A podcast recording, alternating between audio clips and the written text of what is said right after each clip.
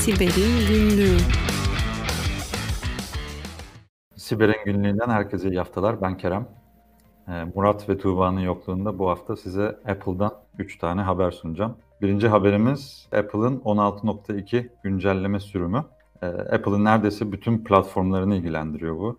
İşte TV OS'ten tutun saatteki Watch OS'e ve iPhone'daki iOS'ten iPad'deki iPadOS'e kadar hepsini ilgilendiriyor. Birçok 30'dan fazla daha doğrusu güvenlik açığı kapatılmış. Bunlardan belki de en önemlisi e, WebKit ona ilgilendiren bir güvenlik açığı. WebKit bilmeyenler için özetleyeyim bir tarayıcı motoru, web tarayıcısı motoru ve hem Safari'de hani her platformda kullanılan Safari browser'da hem de e, iPhone ve iPad'deki bütün tarayıcılarda kullanılan bir motor. Yani siz iPhone'da işte Safari'de kullansanız, Firefox'ta kullansanız, Chrome'da kullansanız, Brave'de kullansanız aslında WebKit kullanıyorsunuz. Apple'ın bu motorunu kullanıyorsunuz ve burada bulunan bir açık dolayısıyla çok tehlikeli olabiliyor. İşte araştırmacılar da WebKit'te bir açık bulmuşlar ve bu açıkla telefonu neredeyse ele, ele geçirmek ve kod çalıştırmak mümkün. Dolayısıyla acil bir 16.1. 2'de güncellendi bu ve 16.2 sürümünde de tekrar bu güncelleme dahil edilmiş. Bu ve bunun gibi 30 tane güvenlik açığında mağdur kalmamak için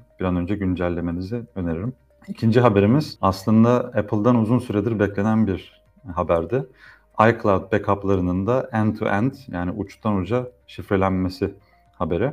Ee, Apple 7 Aralık'ta bir bülten yayınladı ve bu bültende Advanced Data Protection kapsamında daha önce 14 veri noktasında uyguladıkları bu end-to-end encryption'ı artık 23'e genişlettiklerini ve buna Apple işte not notlarınızın, fotoğraflarınızın ve iCloud backup'larınızın da dahil olacağını duyurdu. Şimdi bu ne demek?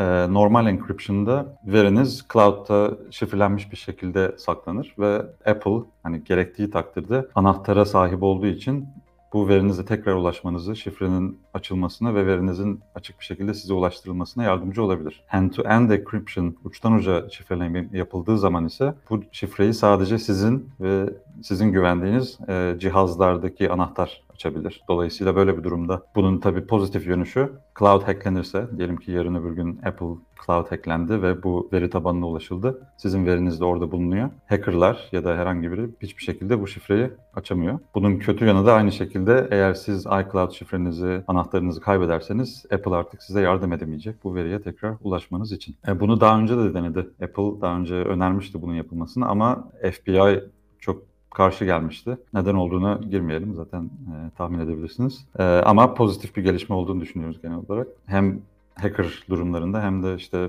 bu durumda artık gerçekten kimse verilere ulaşamayacak. Hani FBI'de olsun, polis de olsun ya da başka devlet organları da olsun. E, bunun 2023'te şu anda beta programında ve 2023'te Amerika'nın geri kalanına ve Avrupa'ya da açılması bekleniyor. Üçüncü haberimiz ise Apple'ın kendi App Store dışında başka App Store'lara yani uygulama mağazalarına da izin verecek olması. Hatta ve hatta e, side loading dediğimiz mağaza kullanmadan da bazı app'lerin direkt olarak cihazlara yüklenmesine izin vereceği haberi ve bunun üzerine çalışmalar yaptığı haberi. Tabii bunu Apple kendi isteğiyle yapmıyor. Bunu yapmasının nedeni de Avrupa'da 2024'te yürürlüğe girecek olan bir e, yasa tasarısı. Digital Markets Act dediğimiz çevrim içi pazarlardaki rekabeti düzenlemek için büyük oyuncuların işte Google, Apple gibi e, oyuncuların biraz gücünü, forsunu e, sınırlayabilmek için yürürlüğe girecek bir yasa tasarısı. Apple için bunun zararı şu, Apple App Store'da satılan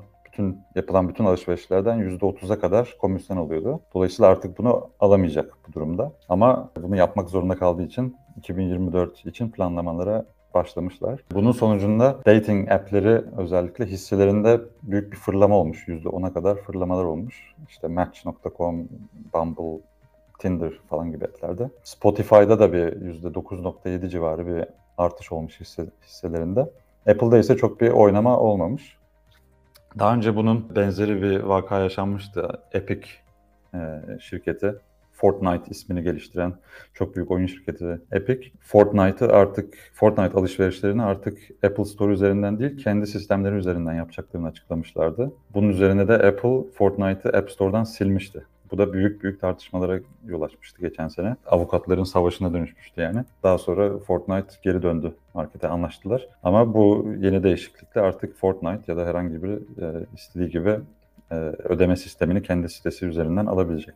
Tabii bu tamamen serbest olacak anlamına gelmiyor. Detayları daha yok ortada ama muhtemelen Apple yine kendi kontrol mekanizmasını yerleştirecek. Hani diğer marketlerde de sunabilmem için Verified by Apple gibi bir sertifika ya da bir, bir checklist, bir şeyden geçmesi gerekecektir muhtemelen. Bir yere kadar böyle bir şey geçmesi de mantıklı çünkü büyük güvenlik açıklarına da yol açabilir bu. Hani App, App Store'un bir faydası da aslında güvenlik kontrolünden geçmesi oraya sunulan e, app'lerin. Tabii bu side loading gibi tekniklere izin verince, marketleri ortadan kaldırınca ya da başka marketlere izin verince bu güvenlik kontrolü de zayıflamış, zayıflayabilir. Dolayısıyla bu güvenlik açısından da takip etmek gerekecek nasıl e, etkileyecek app'lerin pazarını. Evet, Apple dünyasından bu hafta sunmak istediğim haberler bunlardı. E, Umarım ilginizi çekmiştir. Haftaya 2022'den derlediğimiz bir e, programla karşınızda olacağız. Ondan sonra da yeni yılda tekrar buluşmak üzere. Hepinize güvenli haftalar dilerim. Hoşçakalın.